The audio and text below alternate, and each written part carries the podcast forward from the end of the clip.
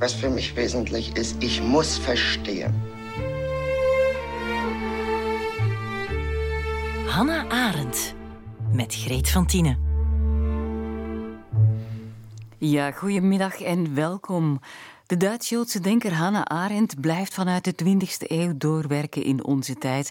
Haar motto hebben we net gehoord: Ik moest verstaan, ik moet begrijpen. In haar boeken analyseerde ze de catastrofes en grote veranderingen van haar tijd om ze te kunnen begrijpen. En als wij het hebben over wat vrijheid is, wat zorg of liefde voor de wereld betekent, helpt Arendt om beter te zien. Ze is echter niet enkel die scherpe politieke denker, maar ook een taalgevoelig mens met grote liefde voor het werk van schrijvers en dichters en voor het vertellen van verhalen. Daar gaan we het dadelijk over hebben. Lisbeth Schoonheim, welkom. U bent filosoof verbonden aan de Humboldt Universiteit in Berlijn. Maar eerst zou ik de stem van Arendt willen laten horen. Haar leven leest als een geschiedenisboek, geboren in 1906, opgegroeid in Koningsbergen, filosofie gestudeerd, Duitsland ontvlucht voor het nazisme en als emigrant een heel nieuw leven opgebouwd in Amerika. Bijna twintig jaar was ze heimatloos. In een tv-interview met Günter Gauss uit 1964 zegt ze dat het begrijpen en uitschrijven en het dan gelezen worden een gevoel geeft van thuiskomen. Äh, da möchte ich sagen, was für mich wesentlich ist, ich muss verstehen. Äh, zu diesem Verstehen gehört bei mir auch das Schreiben. Und wenn andere Menschen verstehen, im selben Sinne wie ich verstanden habe, äh, dann gibt mir das eine Befriedigung wie ein Heimatsgefühl. Ja, mooi hoe dat ze dat zegt. Hè? Eine Befriedigung wie ein Heimatsgefühl. Dat versteen, wat bedoelt ze daar eigenlijk mee? Hoe begrijpt u dat?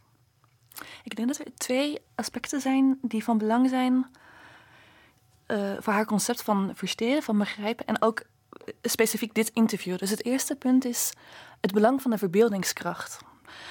Ze heeft ook vanaf haar allereerste jeugd een hele diepe interesse in literatuur. En wanneer zij het heeft over verstehen, is dat deels een creatief proces. Is dat het zoeken naar betekenis? En betekenis is altijd datgene wat het concrete overstijgt. En wat een, um, ja, een creatief samenbrengen is van elementen in het begrijpen wat er gebeurd is. In het geval, geval van het totalitarisme was dat een gigantische uitdaging. Mhm.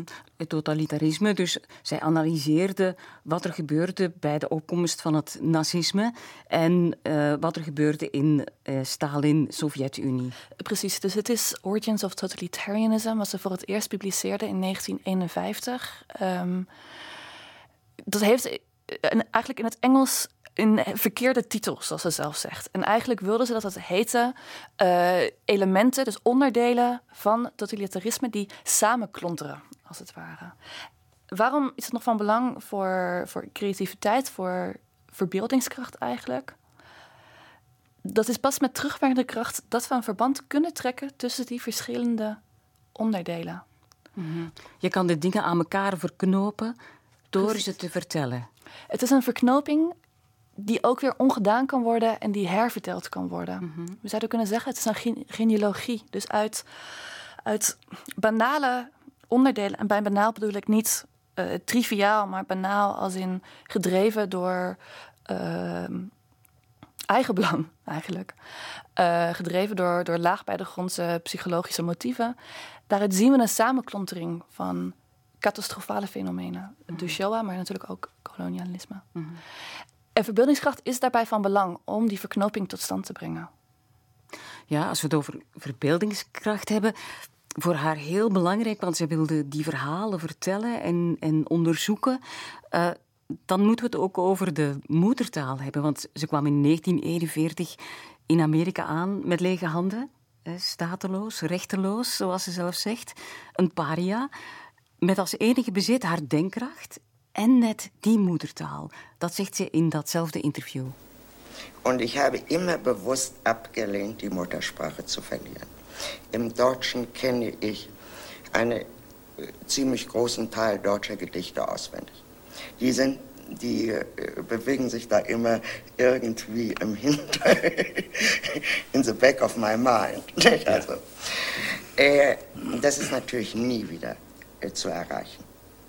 Ja, ze bezat een grote kennis van gedichten. Ze kende die gedichten van buiten, die ze vroeger had geleerd. Ze had natuurlijk een geweldig goede opleiding gehad. Bildung, zoals dat toen zo belangrijk was.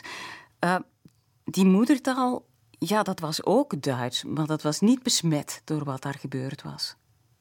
Dus Arendt zou inderdaad heel kritisch zijn wanneer haar, haar doktervatter um, uh, Jasper zegt dat zij toch echt wel Duits is. En dan reageert ze op: nee, ik ben geen Duits. Het enige wat ze van Duitsland aanneemt is de taal, is de, een deel van de cultuur waar ze zich mee kan verhouden. Um, en wat voor Arendt heel erg van belang is eigenlijk, is dat poëzie en het, het munten van woorden staat heel dichtbij theorievorming staat heel dichtbij begrijpen. En daar heb je extra veel toegang toe in de moedertaal. Daar zit een bepaalde natuurlijkheid in. Uh, daar zit een bepaalde beschikbaarheid van woorden in. Daar zit een bepaalde, bepaald gemak in het dagdagelijkse taalgebruik in, die heel erg van belang is.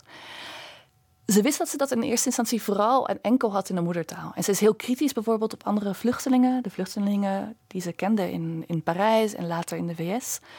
Die een moedertaal verlogenden. En die met heel veel ijver een nieuwe taal leerden.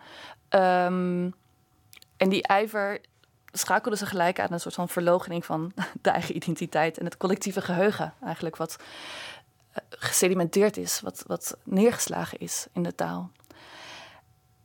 En zij heeft altijd ook in de eigen taal willen schrijven en meerdere talen willen beheersen. Dus we zien ook in haar eigen geschriften dat ze eigenlijk heel gek Engels schreef in eerste instantie. Ze sprak geen woord Engels. Als ze in Amerika aankwam, en ze is zelfs enkele weken uh, bij een, een Amerikaanse familie te gast geweest om haar Engels bij te schaven. En ze was de enige, dus ze is gevlucht met haar moeder en haar uh, echtgenoot, Heinrich Blücher, haar tweede echtgenoot. En die spraken geen van beide Engels. Dus ze waren op haar aangewezen eh, als een contact met de wereld ook. Uh, maar ook op haar inkomen, omdat zij de enige was die een inkomen had. Dus ze heeft er heel erg op ingezet om, om idiomatisch Engels te spreken. En je ziet in haar denken dat ze steeds meer gaat genieten van de Engelse taal en het idiomatische Engels wat ze leerde kennen via haar vrienden, via haar collega's. Mm uh, en een van haar vrienden, misschien niet een van haar allerbeste vrienden, maar iemand die ze heel erg waardeerde, was de dichter W.H. Auden, die een heel mooi gedicht heeft geschreven waar ze.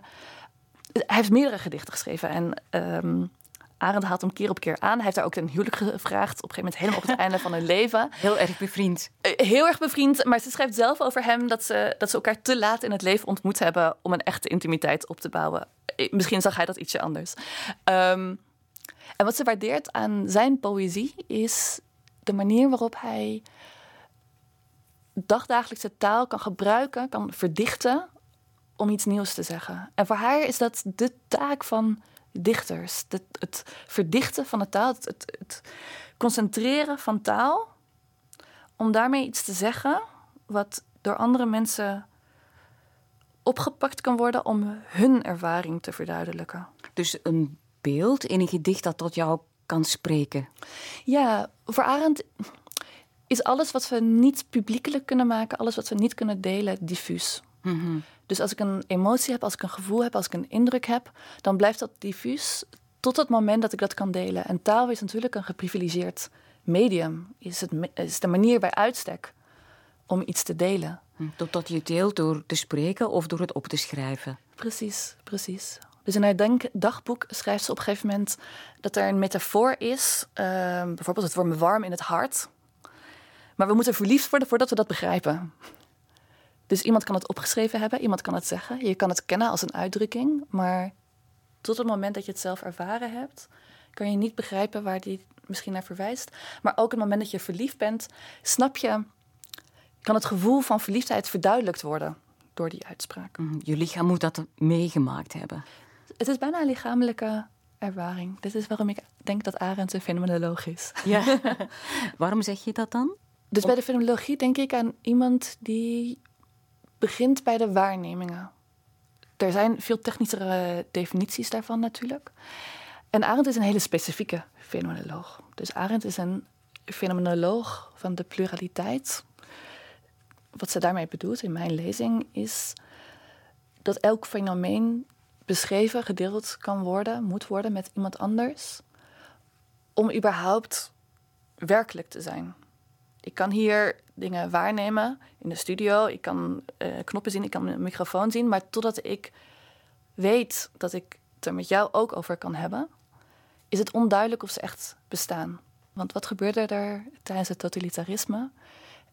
Die mogelijkheid om ervaringen te delen bestond niet meer. Die mogelijkheid om wat verifieerbaar is in principe, of wat waarneembaar is in principe met elkaar, dat werd niet meer besproken. Um, dus er zit ook een normatieve dimensie aan. We moeten in contact treden met elkaar voor de wereld om een bepaalde werkelijkheid te hebben. En anders dan wordt zowel de, de wereld als ieder van ons diffuus, diffuus ja, ja, want, ongrijpbaar. Ja, je kan zoveel denken als je wil, maar als je het niet deelt of opschrijft of doordenkt zoals Arendt en dan opschrijven, delen met de lezers, ja. dan gaat het verloren en blijft het inderdaad diffuus. Kan je het niet onderzoeken. Precies, precies. Mhm. En dat is een heel duidelijke politieke boodschap ook. Dus het is een hele duidelijke boodschap om met elkaar in gesprek te blijven. Dat klinkt een beetje als een potade. En daarmee bedoelt ze meer dan alleen maar een heen en weer van, van meningen of wat dan ook.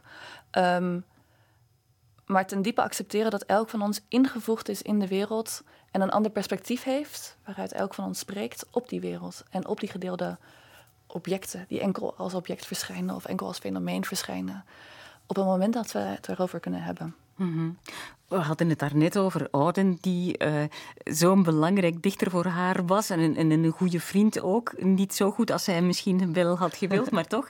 Uh, je hebt speciaal een gedicht meegebracht, uh, Lisbeth. Zou je dat eens een stukje van willen voorlezen om een idee te krijgen van wat dat is dat Arendt zo aansprak?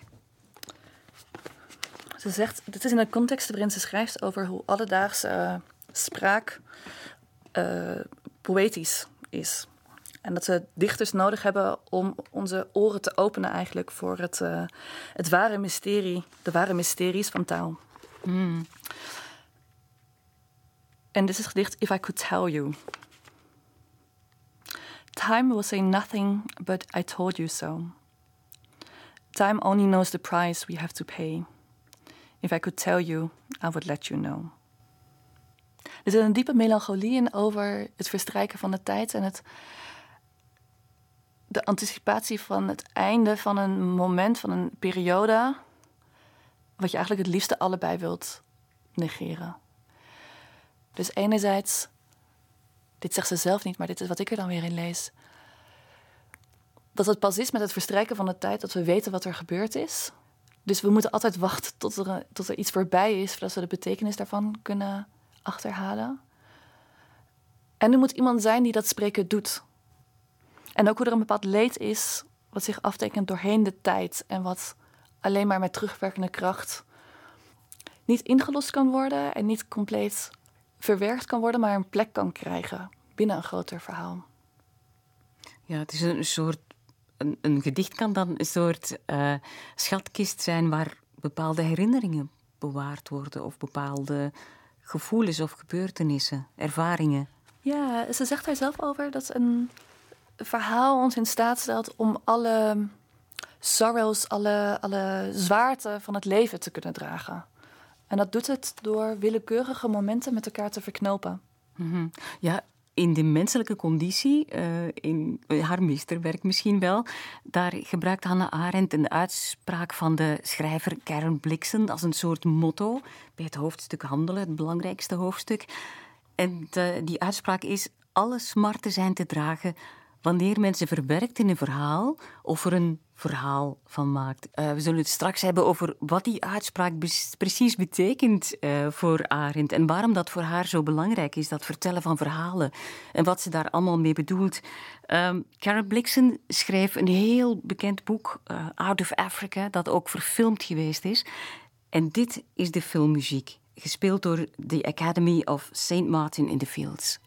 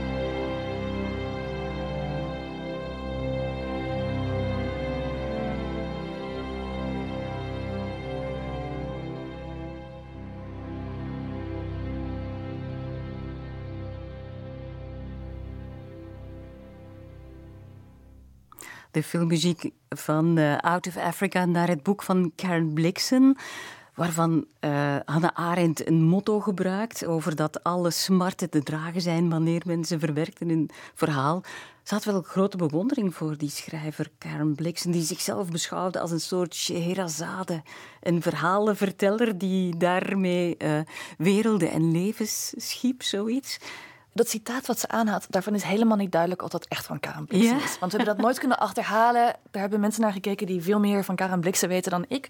Karen Blixen lijkt dat nooit te hebben gezegd. Maar goed, dat zien we bij Arendt vaker. Dat ze een citaat ergens vandaan neemt, dat toeschrijft aan iemand en dat wordt een soort terugkerend motto. Wat dus, net als misschien een, een, een regel poëzie, iets verheldert voor haar. Um, en ze heeft een essay geschreven over Karen Blixen. En daarin onderscheidt ze eigenlijk twee fases in Karen Blixens leven. Dus het eerste gedeelte, waarin uh, de periode centraal staat, die ook beschreven wordt in Out of Africa. En Arend zegt ervan dat is een periode in Karen Blixens leven. waarin ze al een vooropgezet idee had over hoe haar leven zou moeten verlopen. Een plan, eigenlijk een project wat verband hield met Karen Blixens jeugd, het verlies van haar vader op jonge leeftijd, uh, tragisch liefdesverhaal ook van haar vader. En ze wilde dat verhaal van haar vader eigenlijk vervolledigen. Dus daarom is ze in een ongeluk, ongelukkig huwelijk gestapt. Is ze naar Afrika gegaan.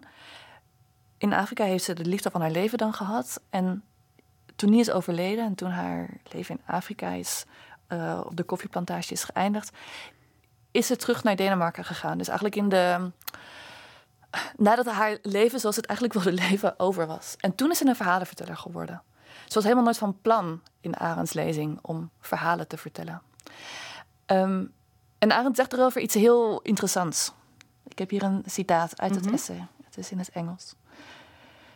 The obvious lesson of our youthful follies, namely about the sin of making a story come true, of interfering with life according to a preconceived pattern, instead of waiting patiently for the story to emerge, of repeating an imagination as distinguished from creating a fiction, and then trying to live up to it. Dat was de tegenstelling in uh, Karen Blixens leven en een, en een les die ze dus heeft geleerd. Mm -hmm. Probeer eens te vertalen. Dus er is de hele duidelijke les van haar jeugdige zottigheden, namelijk de, de zogenaamde zonde, om te proberen om een verhaal tot waarheid te maken. En om eigenlijk het leven te beïnvloeden op basis van uh, vooraf voorgestelde patronen. En wat ze eigenlijk had moeten doen, of wat de les is die, die Karen Blixen heeft geleerd, is het geduldig wachten op het patroon van een verhaal om te verschijnen. En om in de verbeelding het leven te, te herhalen. En dat is een belangrijk aspect, denk ik, van, van Arends denken over het vertellen van verhalen. Het is het, het herhalen in de verbeelding. Er is mhm. een heel mooi verhaal van Karen Blixen, wat dit ook duidelijk maakt. Um, er is, er is een verhaal van Karen Blixen waarin ze spreekt over een man die op een winterdag, uh, wanneer het sneeuwt, s'nachts hoort hij geluiden buiten. Dus die persoon gaat naar beneden toe en die loopt door de tuin op een willekeurige manier. En die gaat weer terug naar boven toe. En de volgende dag doet diegene het gordijn open en ziet daar dat zijn stappen midden in de nacht de figuur van een ooievaar hebben getrokken. Goed, die sneeuw smelt weer weg, dus ook het patroon verdwijnt weer.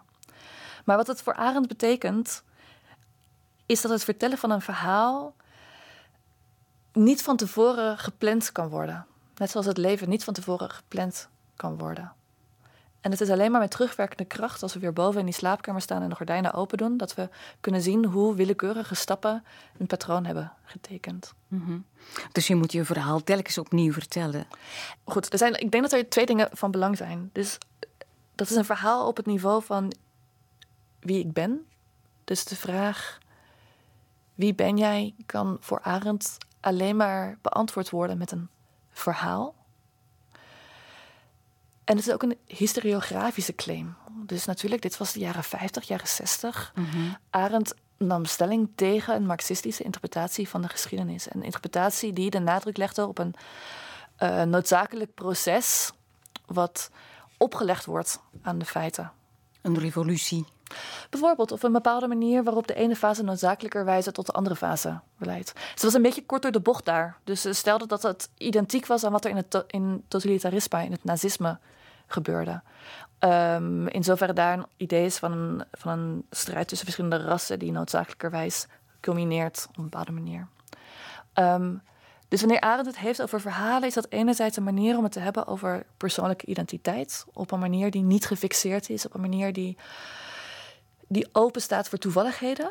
Maar ook een manier om het te hebben over geschiedenis. En ook te spreken over geschiedschrijving. Ja, en ook waarschijnlijk rekening houden met dat wat je doet of dat wat je vertelt, dat wat je in gang zet. De gevolgen daarvan zijn onvoorspelbaar.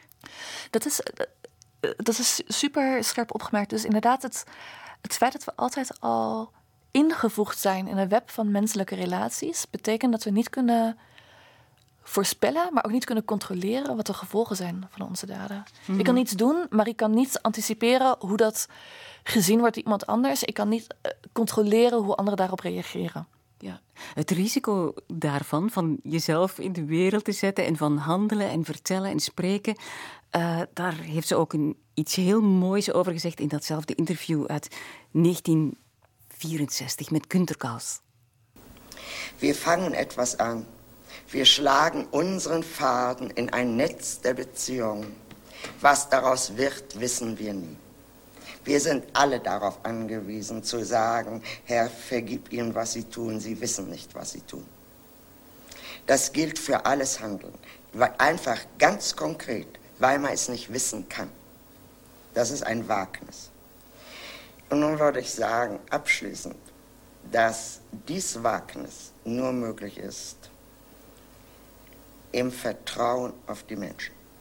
Das heißt, da auf in irgendeinem schwer äh, genau zu fassenden, grundsätzlichen Vertrauen in das Menschliche aller Menschen.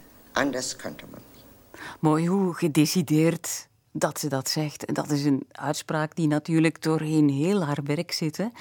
Wij beginnen ergens aan, we weven onze draden in een netwerk van relaties. Uh, wat eruit gaat komen, weten we niet. Niemand van ons weet dat. Dit is onvoorspelbaar. En we kunnen dat risico alleen maar nemen in een diep vertrouwen in de menselijkheid van alle mensen.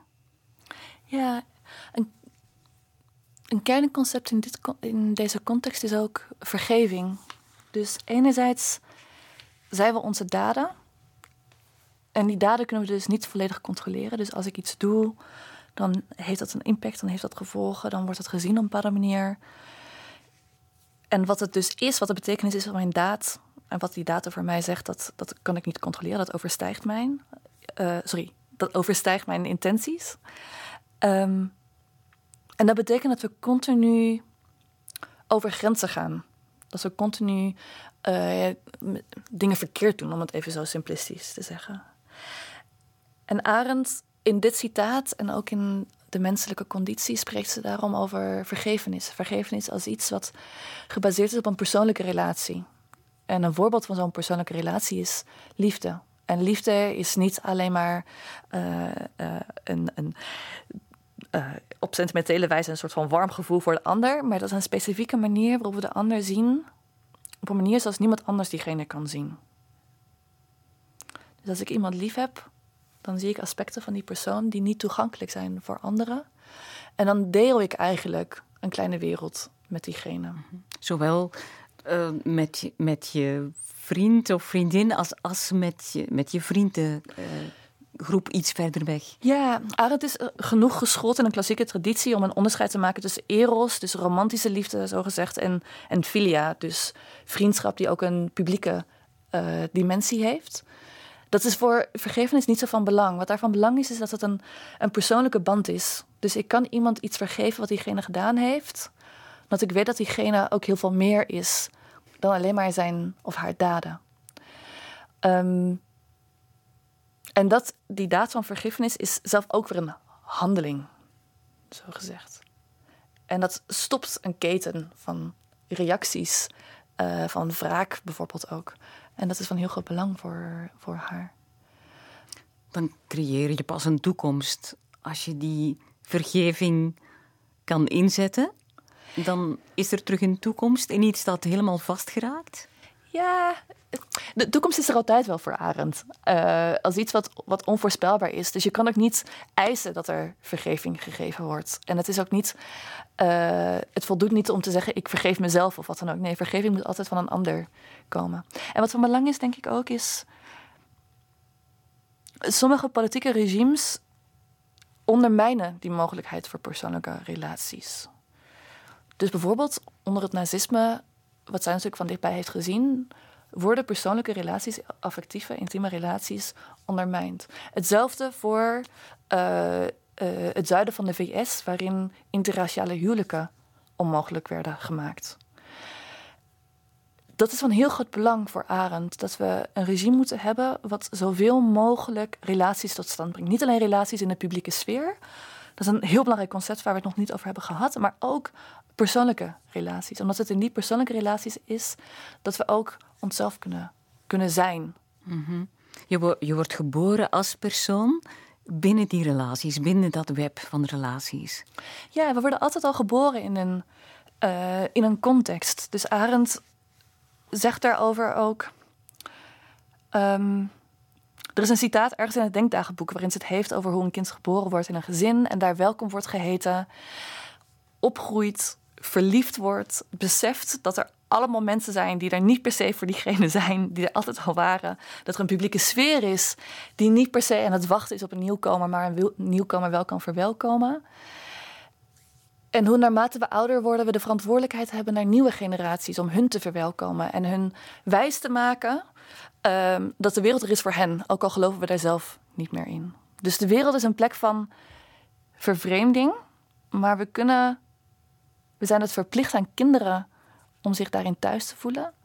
En we zijn het ook misschien aan onszelf verplicht om na te denken, om te verstehen. Zoals we zeiden aan het begin van de uitzending, om onszelf een heimat te mhm. creëren, te geven. Mhm. Maar je wordt dus een persoon door het vertellen van verhalen, door het uh, maken van relaties, wat, wat je doet door spreken en door handelen met anderen te zijn. Maar die identiteit die je dan verwerft, dat is geen vaststaand iets. En daar heb je eigenlijk niet alles aan te zeggen. Dat is afhankelijk van wat er gebeurt en van welk soort relaties je hebt. Ja, dus eh, wie je bent voor Arend is altijd iets in relatie tot anderen. Er zijn altijd eerste relaties met anderen. En dat kunnen uh, de, de nabije anderen zijn, die typisch onze ouders zijn, maar misschien ook andere familieleden of andere mensen die voor ons zorgen. De anderen die we kennen in andere persoonlijke relaties, onze geliefden of onze vrienden, maar ook de anderen in de wijdere publieke sfeer. Wanneer er geen publieke sfeer is voor Arend, betekent dat dat er bepaalde aspecten van wie we zijn niet kunnen onthullen. Dus we hebben altijd andere mensen nodig om onszelf te zijn. Niet als een soort van hippie-achtig idee van onszelf kunnen ontwikkelen, maar ik ben pas iemand in zover ik het voor iemand anders ben. Mhm. En ze maakt daarin een onderscheid tussen wie ik ben en wat ik ben. Dus wie ik ben is datgene wat uniek is aan mij. Datgene wat zich het beste laat vatten in dat verhaal. En wat ik ben, dat zijn zaken die ik deel met andere mensen. Die zijn ook belangrijk voor haar. Ik, ik ben van mening dat Arend daar heel ambigu over is. Of eh, die is daar vrij ambivalent over. Maar uiteindelijk, wat ik ben, is ook iets wat ik moet bevestigen en wat ik moet omarmen. Ehm, en we zouden kunnen zeggen ook dat het ook iets is waar we uh, deels ook onze identiteit aan kunnen ontlenen. Of deels ook een bepaalde, uh, bepaalde gedeelde geschiedenis aan kunnen ontlenen. Mhm. Dan eh, bedoelt ze dat, vermoed ik, iets helemaal anders dan dat je nu een uh, identiteit presenteert. Niet in dialoog, maar gewoon op social media, op Facebook of uh, Instagram, waar je een soort personage van jezelf maakt en in de kijker zet. Ik vind het heel lastig, want ik denk ook wel. Um, we zouden kunnen zeggen dat dat is even goed natuurlijk een manier van waargenomen worden door de anderen. Dus wat Arendt geweldig goed doet, is eigenlijk een kritische afstand creëren tot al diegenen die denken dat de meest authentieke zelf uh, ver weg is van onze verschijning en anderen en een soort van voorafgaat aan die verschijning en niet mhm. toegankelijk is. Dat, dat het diep in jezelf, je echte zelf verborgen zit. Ja, daar is ze ongelooflijk allergisch voor. En ik denk terecht. Mhm. Anderzijds zouden we misschien kunnen zeggen dat daar. Ehm, dat ze sceptisch zou zijn, omdat ze denkt dat je je identiteit niet kan produceren. En zeker niet je eigen verhaal. Dus het is heel lastig voor haar, denk ik, om na te kunnen denken over wat. Uh, of een autobiografie mogelijk is, bijvoorbeeld. Arendt heeft heel veel uh, biografieën geschreven over anderen, maar nooit een autobiografie. Um, omdat het niet mogelijk is, of omdat het heel moeilijk is om je eigen verhaal te vertellen. Mm -hmm. Omdat we onszelf altijd al begrijpen via de blik van de ander. Ja, het heeft ook iets eigenaardigs. Misschien iets, iets moeilijk, iets uh, lastig om je eigen verhaal te vertellen? Ja, dat heeft te maken met um, haar sceptisch, deels dat als we ons eigen verhaal vertellen, dat we iets. Uh, dat ze dat doen met een specifiek doel om ons te presenteren op een bepaalde manier, bijvoorbeeld. Dus er zijn een aantal momenten waarop ze heel kritisch is over mensen die hun eigen autobiografie schrijven. Dus bijvoorbeeld uh, wanneer ze het heeft over uh, kopstukken uit het naziregime die hun eigen autobiografie schrijven. Daarvan zegt ze dat zijn alleen maar verontschuldigingen. Die hoeven niet serieus te nemen als historische stukken. Uh, ze vindt het ook vaak een beetje dweperig, denk ik, autobiografieën. Het enige moment dat ze de mogelijkheid laat zien van het vertellen van een autobiografie is als het heeft over uh, Odysseus. Dus Odysseus, die natuurlijk volgens Homerus op de vraag wie ben jij antwoordde met het verhaal van zijn reis. Maar ze dicht Odysseus ook de, de, het vermogen toe om in één moment samen te vatten, enerzijds datgene wat hem overkomen is, uh, de, de verzoekingen van de, de goden, zo gezegd. En anderzijds de emoties en de gevoelens die hij heeft gehad. Dus die twee momenten, zouden kunnen zeggen het objectieve en het subjectieve, die kan hij samenbrengen. Maar op andere momenten is hij heel kritisch op autobiografieën de mhm. mogelijkheid om een autobiografie te schrijven. Mm ja. uh, nu, ze was ook heel goed uh, bevriend met uh, de schrijver Mary McCarthy. beroemd toen in Amerika toch. Dat was een vriendschap die heel lang geduurd heeft tot de dood van Arendt.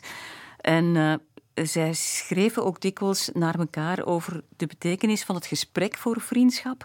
En ze zegt dan: wanneer je de ander, de vriend, over je leven vertelt, begrijp je het op een of andere manier zelf beter. Dus door het vertellen krijg je zelf meer inzicht in wat er eigenlijk aan de hand is en wie je bent. Ja, en dus dat is een van de momenten waarop ze ruimte schept voor een soort van autobiografie. Maar het is dus een autobiografie die niet solitair is, die niet in, in uh, teruggetrokkenheid van anderen geschreven wordt, maar die altijd geschreven wordt met in het achterhoofd de relatie met de ander of in een gesprek met de ander.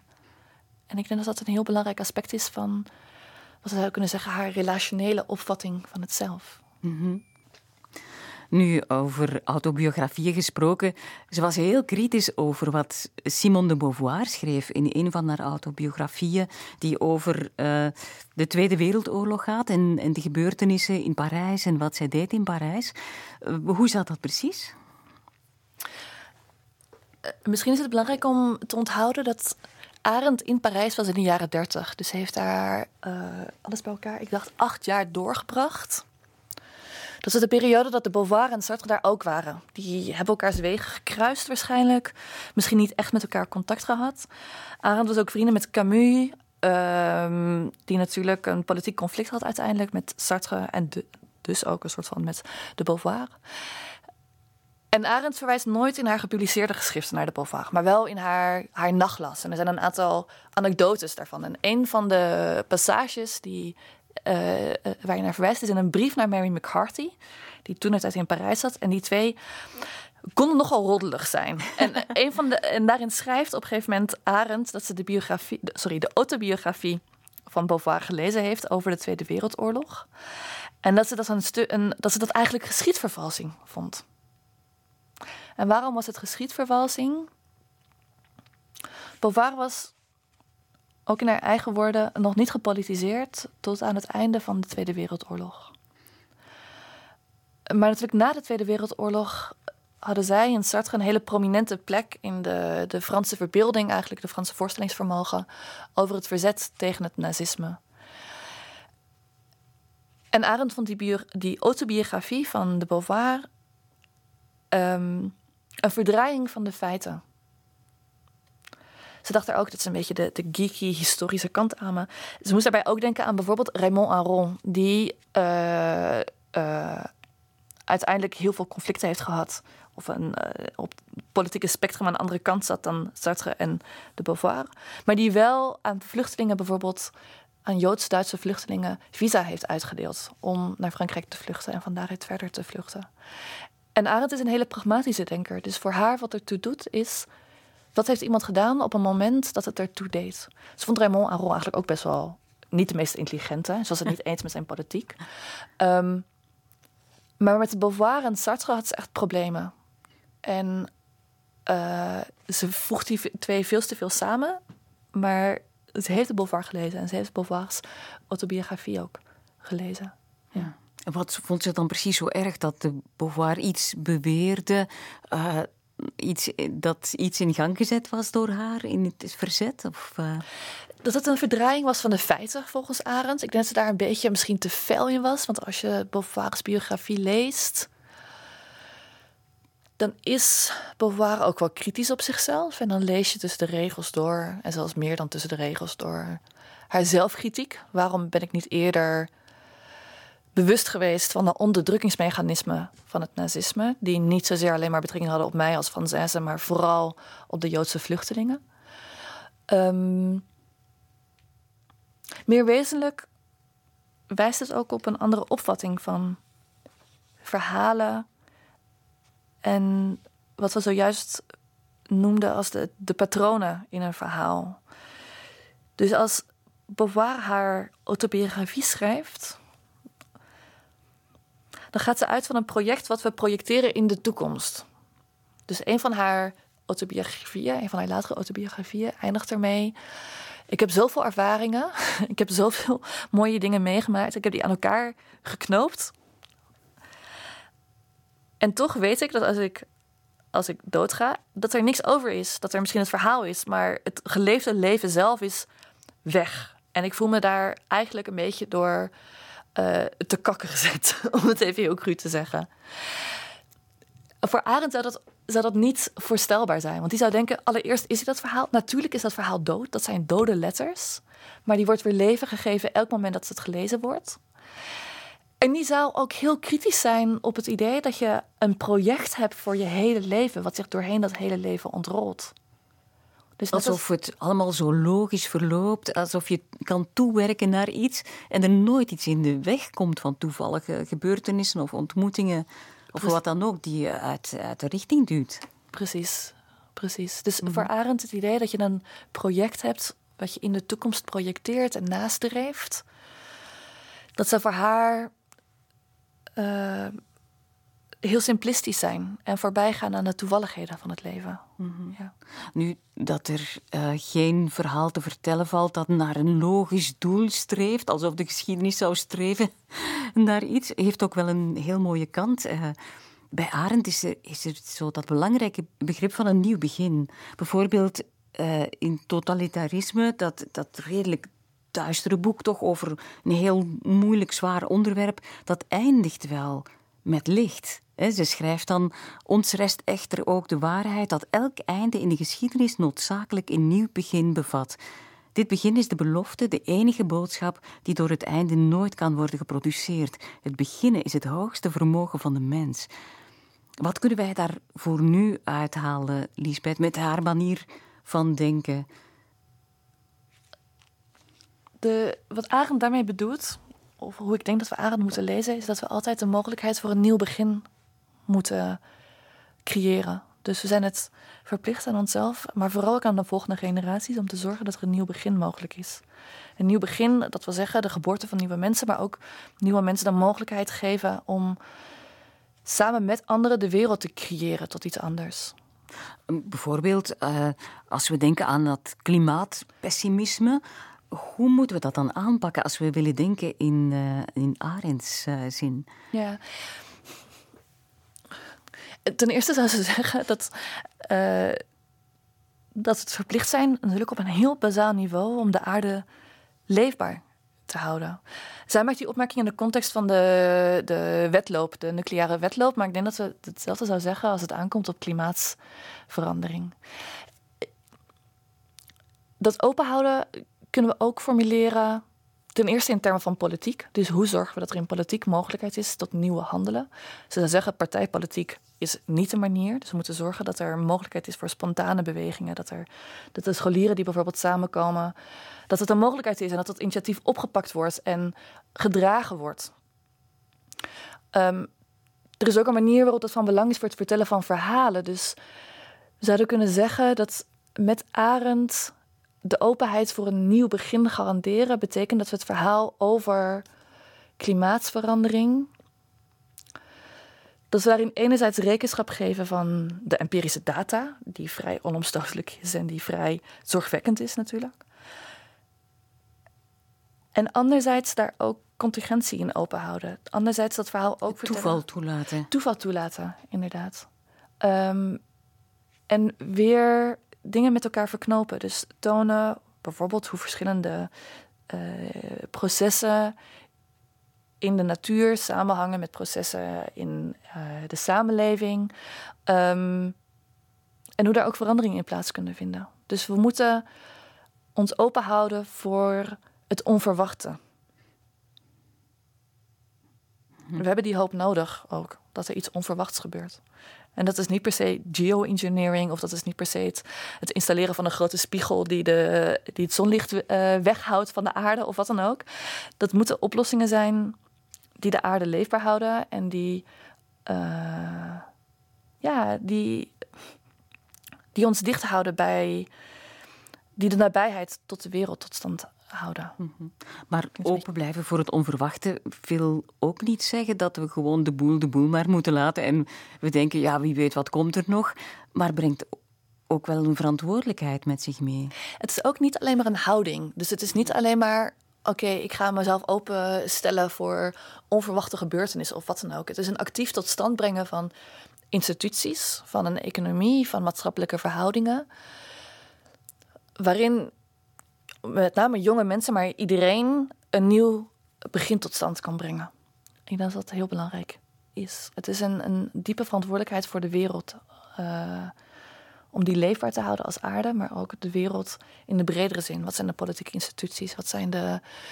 Uh, uh, zorgen dat er geen grote economische ongelijkheid is, bijvoorbeeld. Zorgen dat er toegang is tot onderwijs, al dat soort zaken. Mm Lisbeth, um, Anna Arendt was een groot vriendenmens ook. En ze hield regelmatig etentjes bij hen thuis, bij Heinrich Blücher, haar man en haar. En daar waren daar dichters en schrijvers en had je eens graag op zo'n moment bij haar te gast geweest? kan je je dat voorstellen? Ja, natuurlijk. Daar zeg ik geen nee tegen. Ehm, ja, ook omdat ik vooral heel benieuwd ben. Er wordt van Arend gezegd dat ze een groot talent had voor vriendschap. Heel veel pech in de liefde en een groot talent voor vriendschap. Ik denk dat ze het misschien oneens zou zijn met de pech in de liefde, maar dat ze trots zou zijn op uh, haar talent voor vriendschap. En ik denk dat dat iets heel moois is. En wat natuurlijk geweldig zou zijn om daar deelgenoot van te zijn. Maar er is ook iets dat je vrienden kan worden van op afstand door iemands boeken te lezen. Dat schrijft ze zelf over Rahel van Hagen. Dus dat is een, een uh, Joodse salonhouder uit de verlichting, waar ze haar uh, tweede proefschrift over geschreven heeft. En ze was ook heel kritisch op Rahel. En ik denk dat ik eenzelfde soort relatie met Hannah Arendt heb. Er zijn ook heel veel momenten dat ze me ongelooflijk irriteert. Vooral als het bijvoorbeeld heeft over racisme. Dan zegt ze dingen die. Uh, die we niet alleen maar kunnen rechtvaardigen door te verwijzen naar het feit dat ze in de jaren 50 schrijft. Ook in de jaren 50 was het niet oké wat, ze wat ze zei. Dus ik denk dat er heel veel momenten zijn dat ze op mijn zenuwen werkt. um, maar ondertussen is het iemand die zo ongelooflijk oorspronkelijk is in haar denken. Die zo ongelooflijk uh, ook veel wist en zo ongelooflijk veel nieuwsgierigheid had. En die zo een uh, uitdrukkingsvermogen had in haar spreken, dat het een plezier moet zijn geweest om daarbij aanwezig te zijn. En ik denk ook dat ze gewoon heel veel, ehm, dat ze gewoon heel goed gezelschap was. Dat denk ik ook. Dankjewel, Lisbeth Schoonheim. Ja, morgen alweer de laatste aflevering over denker Hannah Arendt. Herbeluisteren kan via clara.be, de Clara-app of als podcast. Morgen vragen we ons samen met filosoof Veronica Vasterling af hoe Hannah Arendt dacht over wat het betekent mens te zijn. En wat zegt dat over ons, inwoners van de 21ste eeuw. Heel graag tot dan en nog veel luisterplezier bij Clara.